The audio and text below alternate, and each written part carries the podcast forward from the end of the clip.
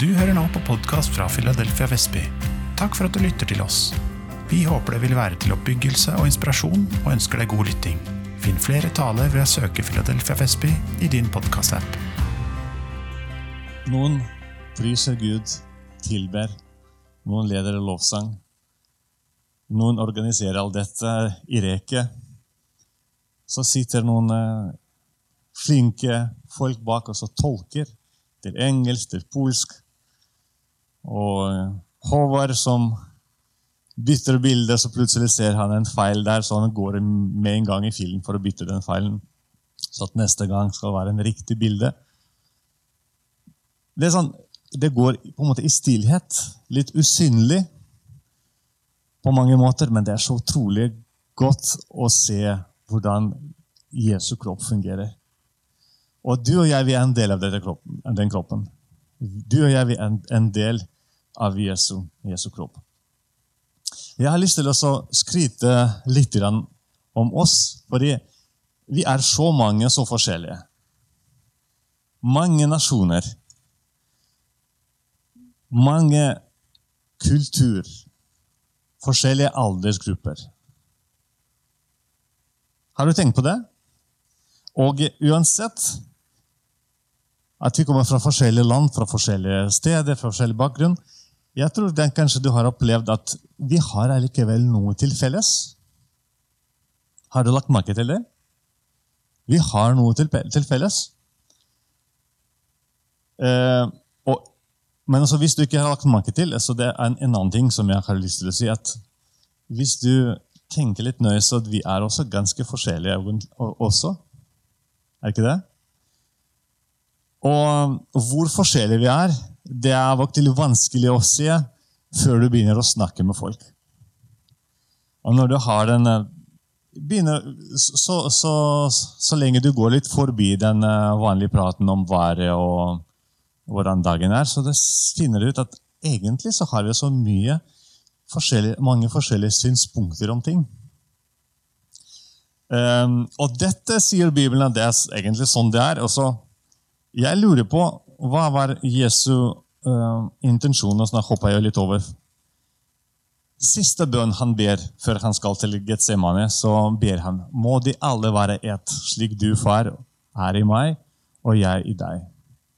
Slik skal også de være i oss, for at verden skal tro at du har sendt meg.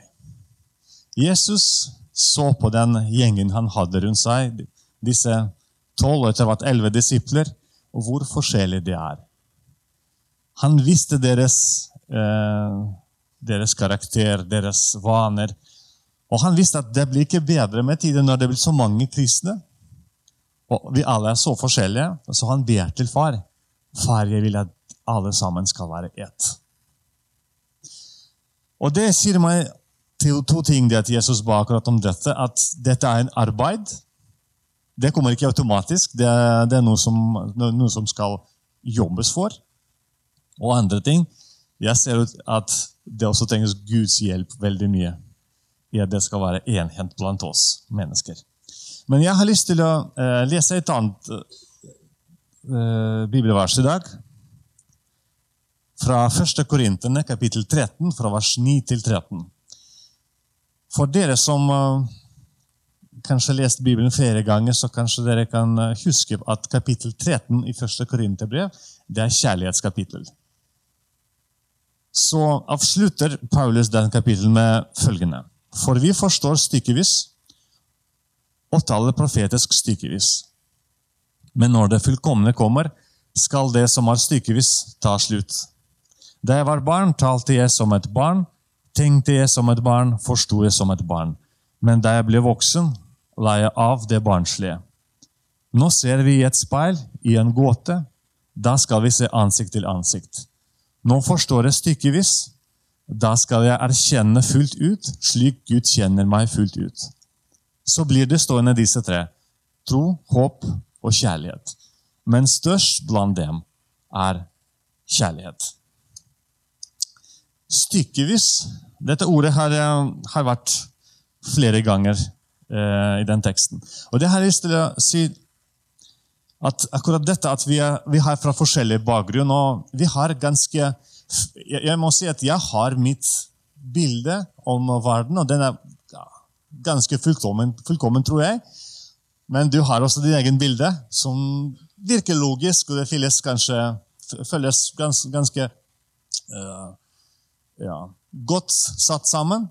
Men når vi møtes sammen, så finner vi ut at vi egentlig tenker veldig annerledes om forskjellige ting. Um, og det er akkurat det samme som um, for eksempel når vi snakker Vi kommer fra forskjellige kirke, kirkebakgrunn.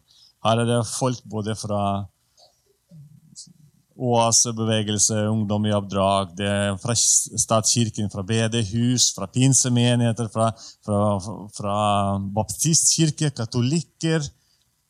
Tenk på det, hvor mange forskjellige bakgrunner vi har.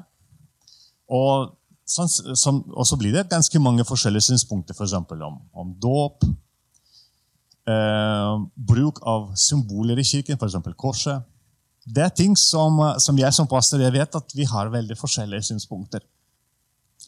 Men i alt dette eh, så har jeg lyst til å jeg, jeg kommer til å påstå at du og jeg vi har likevel ikke fullkomment bilde, alle sammen. Selv om jeg tror av min side at det, det, som jeg tror det er helt bibelsk, så kommer en neste predikant og så sier jeg tror mitt bilde, mitt bilde er, bibelsk. Så du må si amen til alt jeg sier.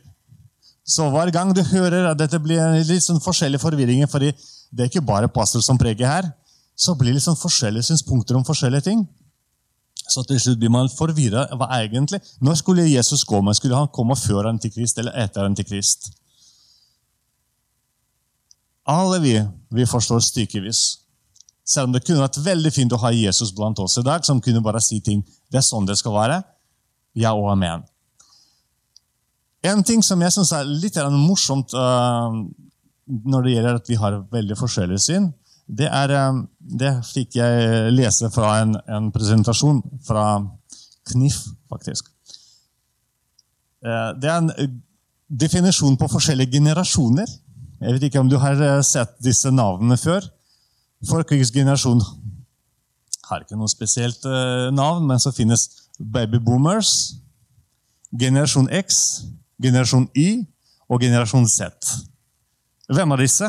Jo, det er, det er egentlig hver av oss som sitter her i rommet, vi ble plassert under en eller annen generasjon.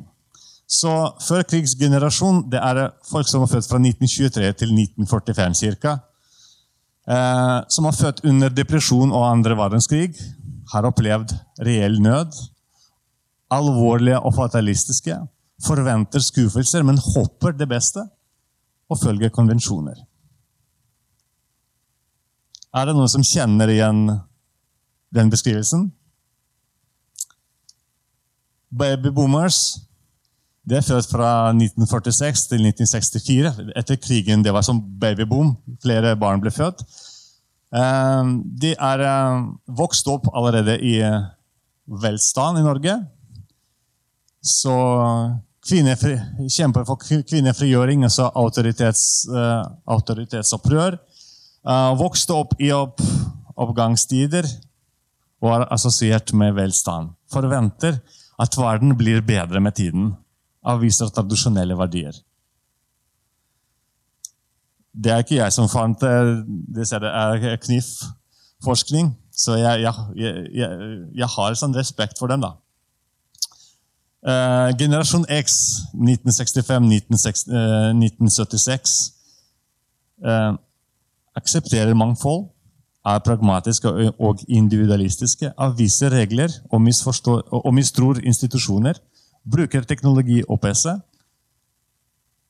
Var nøkkelbarn differensierer mellom venner og familie. Neste generasjon det er eh, millennials, eller generasjon Y. Ønsker mangfold, er optimistiske og individualistiske, avviser ikke nødvendigvis reglene, men omskriver dem. Opplever institusjoner som irrelevante, bruker teknologi og Internett. Venner er lik familie. Altså Den siste generasjonen Z de er født etter 1997, aktive forbrukere, har alltid brukt medie- og informasjonsteknologi, vant til likestilling og eneforeldrefamilier. Begge foreldre arbeider. Livet er fullt av organiserte aktiviteter. Første generasjonen hvor både foreldre og barn er informasjonsteknologibrukere. Er ikke det litt spennende? Jeg synes det er litt interessant. Og så har jeg lyst til å se neste bilde, for det har litt med givertjeneste å gjøre. Hvordan vi som er forskjellige her, som hører til forskjellige eh, generasjoner, hvordan ser vi på givertjeneste, f.eks. Folk som blir født eh, under andre verdenskrig, de har opplevd nød. ikke sant? De spiser mindre fordi det har blitt så dyrt. Og eh, de gir fordi de har, de har sånne religiøse motiver. Vi tjener Gud med å gi. De responderer på nød. De gir masse til misjon fordi det er nød. Fysisk og åndelig. Babyboomers de tjener sine penger. Jeg spiser mindre fordi jeg skal inn i bikinien, sier de. De setter pris på penger. De og de, de, kan gi når de blir spurt. Hvis du spør dem, så gir de. Siste to generasjoner de har ganske mye til felles, og eh, livet ble servert ofte på sølvfat. Jeg spiser mindre fordi det får meg føle meg bedre. Og man gir når man føler dette er meningsfullt. Man gir når man føler at man er på noe stort. Og Dette er liksom litt forskjellige omfatninger. og jeg tenker Det er bare ett eksempel hvor forskjellige vi er. Og Når det gjelder åndelige ting jeg har lyst til å ta den, Det er ganske klisjé bilde allerede. Hvordan mennesker oppfatter Gud. Det er som en blinde folk som prøver til å beskrive en elefant. Den ene kommer og sier ja, en elefant det er en slange. Den andre kjenner på ryggen og sier nei, det er bare en vegg.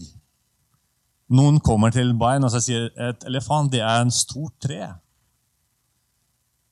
Og noen eh, kanskje kjente på øret og så sier nei, dette er bare en vifte. Hvem av dem er rett?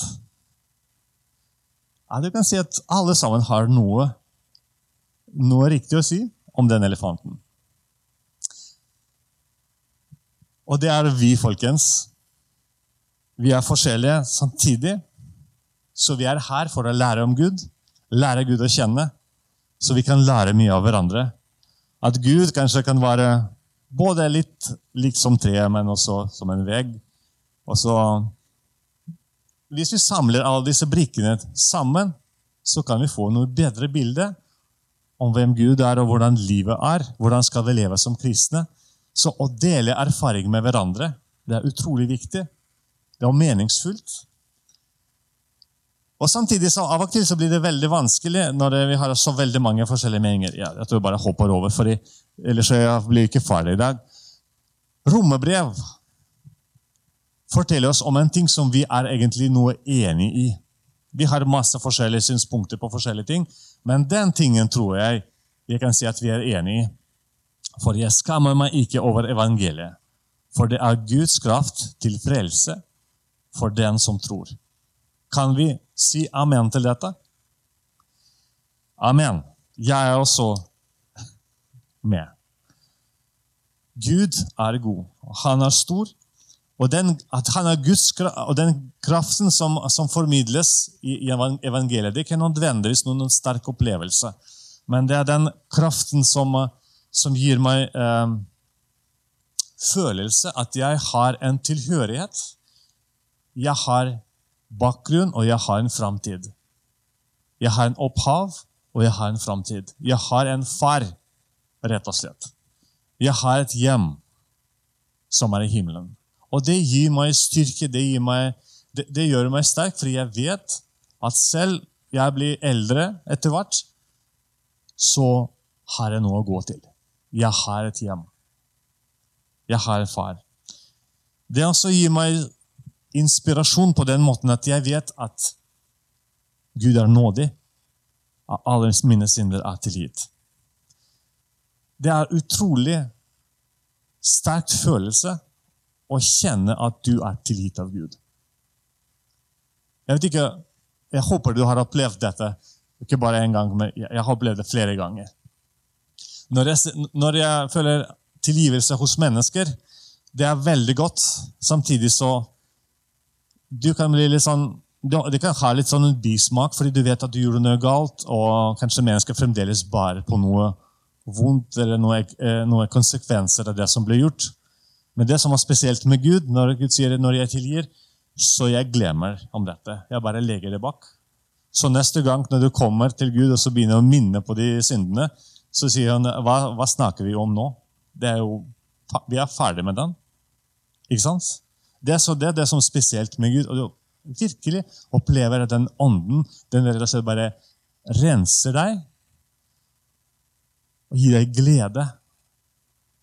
Når du føler at du er tilgitt av Gud, så, så, så, får du en følelse at du er ren. Den kraften i evangeliet.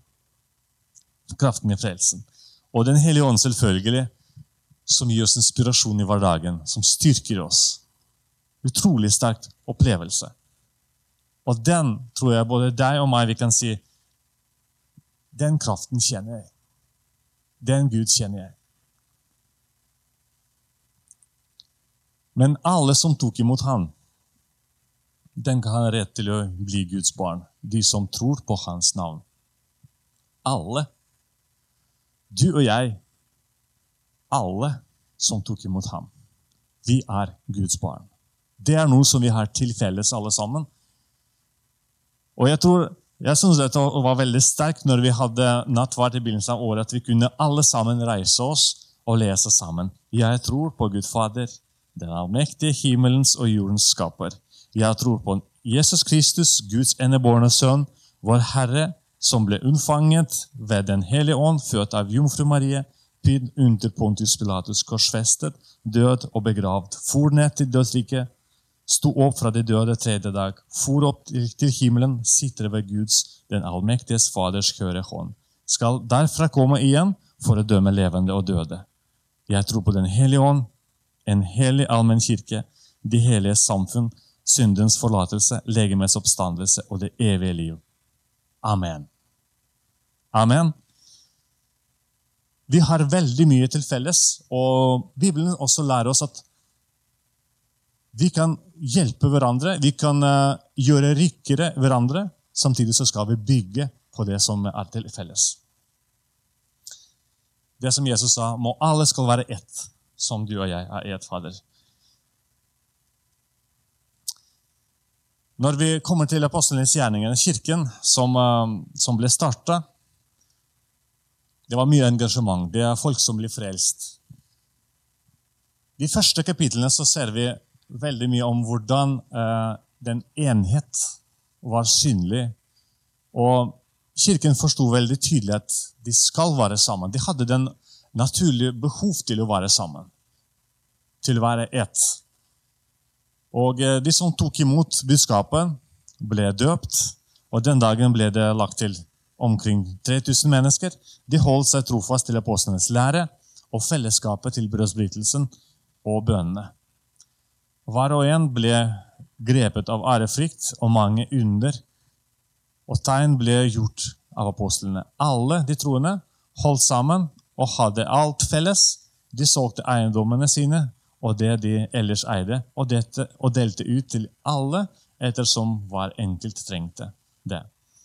Hver dag holdt de trofast sammen på, på tempelplassen og i hjemmene, brøt de brødet og spiste sammen med med omkring, uh, med omkring og hjertelig glede.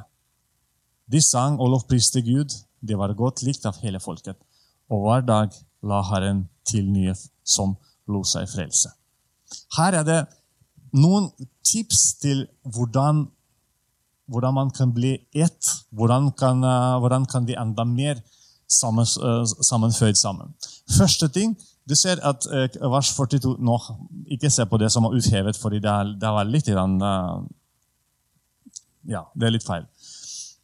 Det første, de, uh, det første som de gjorde, de holdt trofast til apostlenes lære.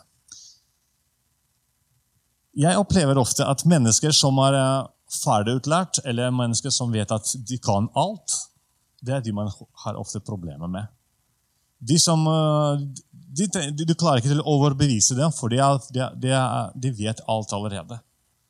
Det går ikke å snakke, det går ikke å, sånn, å gi råd eller som komme med en kommentar. De vet jo alt. Men her ser du et fellesskap som er lærevillig. Mennesker som har lyst til å bli bedre kjent med Jesus, bli bedre kjent med Gud.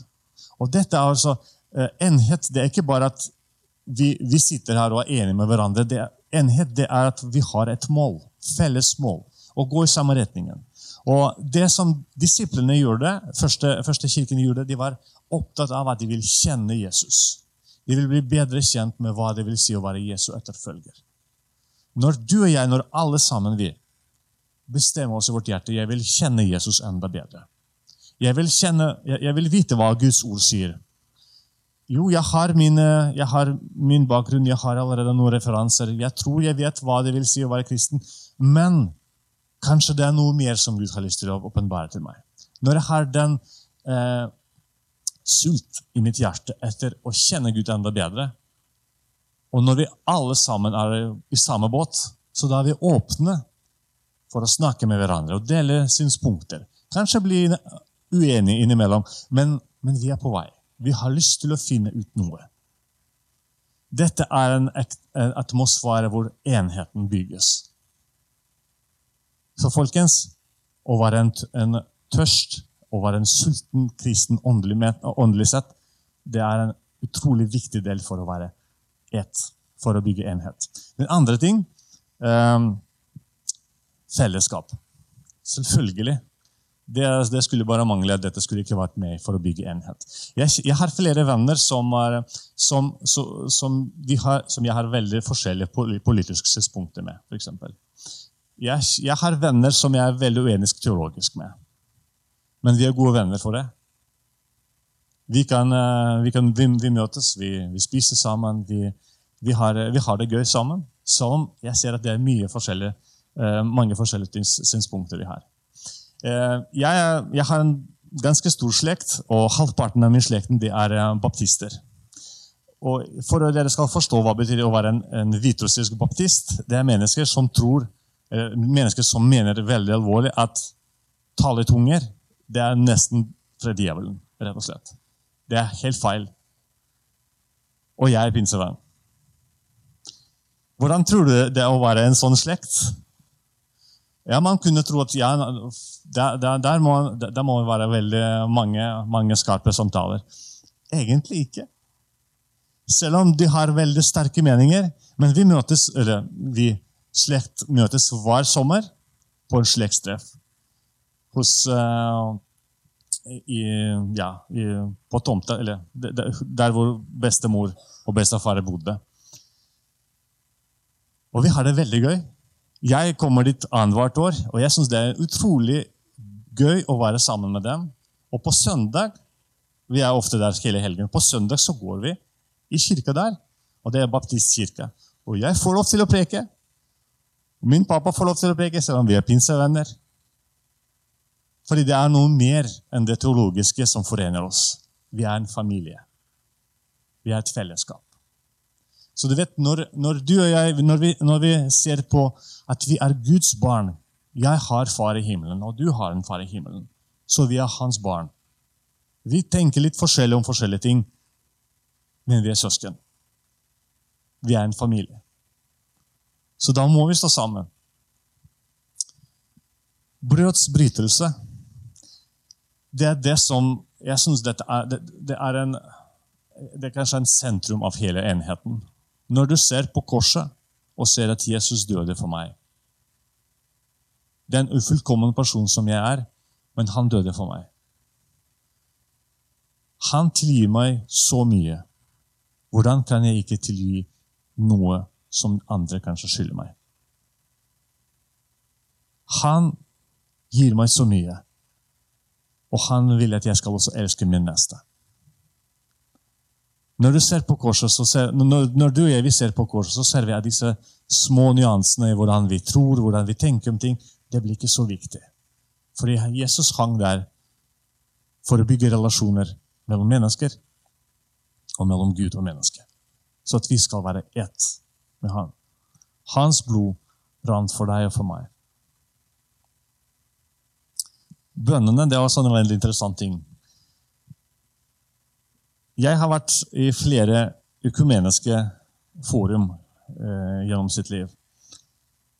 Og eh, av og til det sånn, når du, når du møter forskjellige kirkesamfunn Det oppleves at det, det, kan være ganske få ting som man kan bygge på sammen, men allikevel man har lyst til å være sammen. Det som er det beste å gjøre, det er å ha felles bønnemøter. Vi har opplevd dette flere ganger også her i Vestby. Jeg, jeg også møter andre pastorer fra pinse, pinsemenigheter her i Follo. Og vi møtes og ber for hverandre. Bønn eh, samler folk, rett og slett. Rett og slett for å be til Far, alle sammen. Og kanskje be for hverandre. Vise omsorg for hverandre. Da, da, dropper man å snakke om teologiske ting, men vi ber. Vi ønsker det gode for hverandre. Vi velsigner hverandre. Å be for hverandre det er en ting som gjør oss nærmere. Så det var utrolig bra at uh, også du, Jan Olav, foreslo at vi skulle be for hverandre i dag. Dette var kjempefint. Uh, fordi det er å komme nærmere til hverandre. Vi, vi, opplever selvfølgelig, vi kommer til å finne ut at vi er ganske forskjellige. Men Gud gir oss også styrke til at vi kan lære hverandre å kjenne, og så, så kanskje få noe god innspill fra hverandre. Og påvirke også hverandre. Amen. Uh, så det som er interessant her, uh, når Paulus skriver disse varslene i 1. Korintene brev Hvis du ser på konteksten i disse kapitlene, kapittel 12, 13 og 14, han snakker at vi er forskjellige. Vi har forskjellige nådegaver. Vi har forskjellige tjenester. Og vi trenger faktisk hverandre. Øye og øre de hører sammen. Vi kan ikke si at vi trenger ikke hverandre, for da, da blir det ufullkommen menighet. Hvis alle sammen skal snakke akkurat som Pavel, det blir en kjedelig menighet. Da tror jeg først å gå ut herifra. Det må være litt sånn variasjoner blant oss. Det må være litt forskjellige meninger, så vi må utfødres hverandre på det. Og og jeg har min egen tolkning på avslutning på den vers 13. Han sier, han sier uh, Så blir det stående disse tre tro, håp og kjærlighet. Det som jeg har lyst til å si i dag, er at alle sammen vi har vår tro. Vi har våre overbevisninger. Du og jeg. Alle sammen vi har vårt håp, eller vår visjon for framtiden. Og Vi kunne sitte og diskutere hvordan menighetens liv skal være, hvordan, uh, hvilke prosjekter skulle vi hatt. Eller, eller noen teologiske ting. Men Paulus sier det største blant dem er kjærlighet. Det er veldig viktig at det er fint at vi har noen sterke meninger. Det er veldig fint at vi har noen visjoner å steke oss til, men kjærlighet er størst. Uten kjærlighet så kan vi ikke gå noen sted. Amen. Uh, og jeg, ikke, jeg, jeg, snakker ikke dette fordi jeg syns vi har noen problemer eller utfordringer i menigheten. Tvert imot. Jeg, det, det er derfor jeg begynte med den i begynnelsen. Jeg syns det er en veldig deilig miljø her.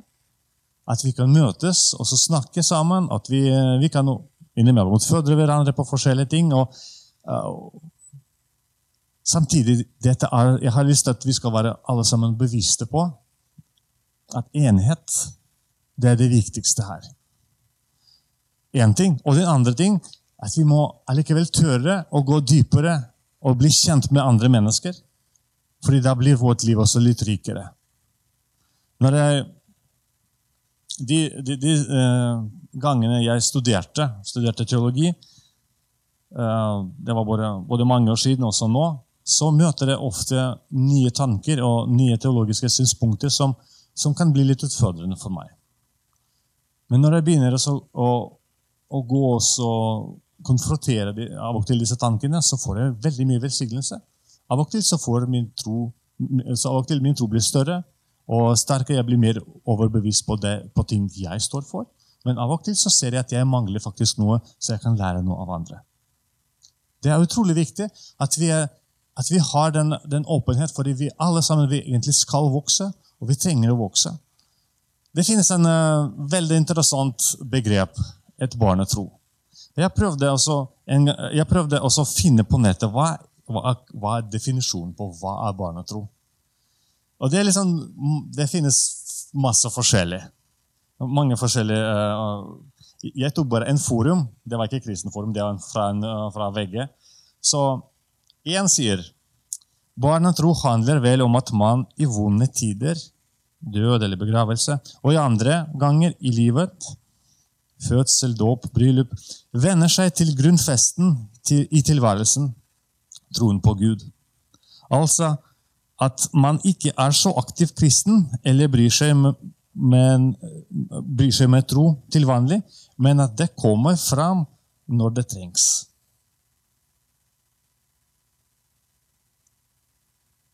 En annen, en annen definisjon på barnetro. Kan, barnetro kanskje handler, uh, kanskje handler, handler uttrykket litt om beskjedenhet. Man vil ikke stikke hodet fram, og det koster å bekjenne seg som kristen, men å si 'jo, jeg har jo barnetroen i behold', er en mer ufarlig måte å si at man er troende. Det er interessant. Eh, også den siste kort definisjon på barnetro. Barnetroen er også hva et barn har før det blir farget av verden. Litt forskjellige definisjoner, men de har noe til felles. Og samtidig, jeg, Den siste definisjonen synes jeg er veldig interessant. At barnetroen det er noe barnet har før det blir farget av verden. Fordi de fleste, eller flere av oss, de får noen forkynt fra foreldre eller fra søndagsskole. Og etter at livet gikk videre, så man ofte prøver å referere til det, kanskje det første kunnskapet om Gud som man har fått. Det er veldig søtt og veldig flott, men av og til så jeg stiller spørsmål men var hva er det riktig, det jeg har fått i barndom? Hva er den bra nok kvalitet av det jeg hørte først? Jeg må si at uh, Seinere i livet jeg personlig måtte bearbeide flere av ting som jeg hørte i barndom. Det er ikke nødvendigvis at det var, det var feil, men det var ufullkomment. Og jeg følte at det ikke helt stemmer med virkeligheten seinere. Så derfor Bibelen oppfordrer oss at vi ikke skal være barn, men at vi skal vokse og bli modne. Det er fint at man har barnetro, men det er veldig viktig at vi også ikke hviler på denne barnetro lenger. Da jeg var barn, talte jeg som et barn, sier Paulus. Tenkte jeg som et barn, forsto jeg som et barn. Men da jeg ble voksen, la jeg av det barnslige. Vi må vokse alle sammen. En annen ting, når vi tenker om uh, En annen tanke som jeg har lyst til å gi deg, at vi alle sammen vi er i en prosess. Så når vi er uenige om, om, om noen ting, det er fordi vi alle sammen er i en prosess. Det kan hende at i morgen jeg kommer til å forstå hva du sa i dag. Det kan hende at om to år jeg kommer til å huske på det du, for det det blir sagt, og så kommer jeg til å si jeg vet hva, han var rett. Men akkurat nå og i dag jeg står der jeg står. Og du vet, Når barna er barn Man pleier ikke å kritisere dem for de tenker barnslig. Man forstår at barn må få lov til å være et barn. Eh, vi hadde noe besøk i jula, og eh, vi reiste til Drøbak, til Nisehuset. Så En av mine nevøer så på det Nisehuset og sa kan jeg ikke spørre Nise han skal komme til, oss på julaften. Så tenkte jeg ah, så dumt at jeg glemte den om, den kostymet. Da ville sikkert julenisse komme til oss også. Men jeg, jeg fant ikke kostymen, så da ble ikke noe julenisse hos oss. da. Men jeg tenkte det var så barnslig. Det er, sånn, det, er sånn, er, så søt at barn har lyst til å se julenisse på, på julaften. Hvorfor ikke? Barn må få lov til å være et barn. Jeg skal ikke stå der og så holde en presentasjon at julenisse finnes ikke. og ja, Det er bare tull, og alt sammen. Nå må, du, nå må, du, forstå det. Barn må få lov til å være litt barn, er det ikke det? Også når det gjelder vårt åndelige liv, så av og til man må bare la det gå med det alle disse Ja, du har en forståelse, jeg har den min forståelse. Ok, vi er litt forskjellige, men la Gud arbeide med oss begge to. En gang så blir vi, en gang, forhåpentligvis, så får vi se hva som er riktig. Amen? Jeg syns dette er egentlig veldig god råd. Altså. Mine søsken, jeg tror ikke om at jeg selv eh, jeg tror ikke om meg selv at jeg har grepet det, sier Paulus. Men én ting gjør jeg. Jeg glemmer det som ligger bak, og streker meg etter det som er foran. Han, han, du ser den holdningen. Ja, jeg har en masse kunnskap, og han hadde masse kunnskap, men han sier men jeg tror ikke om meg selv at jeg har grepet det. det sånn, han, han, har en åpen sinn. og Ja, det kan hende at jeg, kan te, jeg, burde tenke noe annet, men akkurat, da, akkurat nå og her, jeg er der jeg er. Og jeg går fram mot målet og mot seiersprisen som Gud fra det høye har kalt oss til Kristus Jesus. La oss tenke slikt, alle vi som har nådd fram til modenhet. Å være sånn åpen det er egentlig et tegn på en modenhet. ser du? Og om dere ser annerledes på, på noe, skal Gud gi dere klarhet om også i det. La oss bare, så langt vi er kommet, fortsette i samme spor. Den siste var, syns jeg var litt vanskelig for meg å forstå. Eh, nå, nå, nå, kom det en annen oversettelse som jeg tok fra engelsk. La oss bare være tro mot det vi allerede har oppnådd, står det i en annen oversettelse. La oss bare være tro mot det vi allerede har oppnådd. Vet du hva? Det er helt ok at hvis, hvis man har en overbevisning om ting, da må det være tro til det du allerede har fått. Ingen må få lov til å tvinge deg til å tro noe annet. Men samtidig, som Paulus sier, la oss ha den holdningen at ja, Eh, jeg tror ikke på meg sjøl at jeg har nådd eller grepet all dette. Foreløpig jeg er der jeg er. Jeg er den jeg er. Og Gud er glad i meg, og jeg skal leve etter den samvittigheten som Gud ga meg. Hvis Gud skal åpenbare meg noe annet, noe nytt, ok, da gjør han det. Men det skal være Gud, og ikke press fra noen mennesker. eller noe sånt. Jeg syns dette var en interessant holdning fra, fra han, og det, det syns jeg er veldig viktig. En annen ting alle kan ha rett til noe. Alle kan ha noe rett. Ehm, jeg hørte historie om en, om en rabbin som hadde lærling. Og Det var to naboer som hadde en krangel, så den ene uh, naboen kom til rabbin og så fortalte sin historie.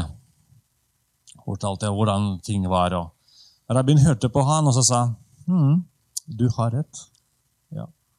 Så gikk det naboen og var veldig fornøyd med samtalen. Så kommer den andre naboen og så forteller sin versjon. Så hørte rabbien på han og så sier hm, du har rett. Så gikk den, eh, den andre også. Og så lærling satt der og sier rabbien, men det kan, ikke, det kan, ikke, stemme at begge to har rett. Så rabbien tenkte hm, du har rett, du også.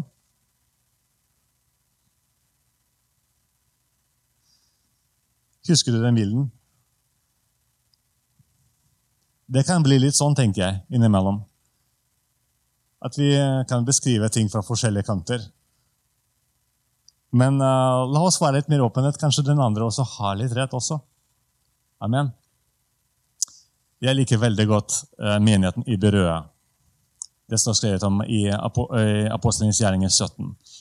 Der Paulus kom dit, og han kom fra, han kom, fra Tessalonika, hvor, hvor de var folk Ehm, som De tok ikke imot veldig godt hans budskap. De var sånn veldig stengt. Og Så kommer han til Berøa, og det står skrevet at jødene der hadde en eldre, eh, edlere synnelag enn de i Tessalonika. Og hvorfor det? Jo, de tok imot ordet med all velvilje og gransket Skriftene daglig for å se om alt stemte. Det synes jeg var interessant. De, de hadde ikke sånn fordom at siden Paulus forkynner Jesus og forkynner helt ny uh, forkynner uh, at Messias kom, at nei, dette er feil, dette er anafema. Nei, de sa ok, la oss se på dette. La oss gå i Skriften. La oss lese sammen. La oss se om det, om det stemmer.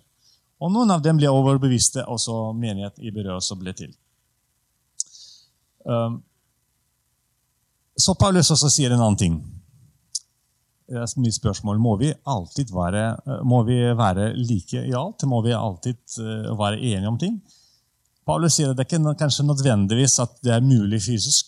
Um, og det er flere ting som vi, vi kan ikke gripe. Men han sier at nå ser vi speilet, men en dag kommer vi til å se som det er. En dag Gud kommer til å åpenbare oss. Du vet, Jeg har mange spørsmål, både teologiske, og jeg har flere spørsmål hvorfor Gud har ikke svart på noen av mine bønner. Mennesker som jeg ba om helbredelse, som ble ikke helbredet, og døde til og med. Hvorfor det? Og Jeg hører noen uh, synspunkter fra prekener at kanskje var tatt for, kanskje det hadde lite tro, eller, eller, kanskje det var Guds vilje. Ja, Noe av det kan virke overbevisende, andre, andre ting kan være Nei, jeg vet ikke. Men jeg håper at en dag jeg skal komme til Jesus, og han kommer til å svare på det, på, på, på flere av disse spørsmålene. Jeg har et, et håp at en dag jeg kommer til å se han som han er.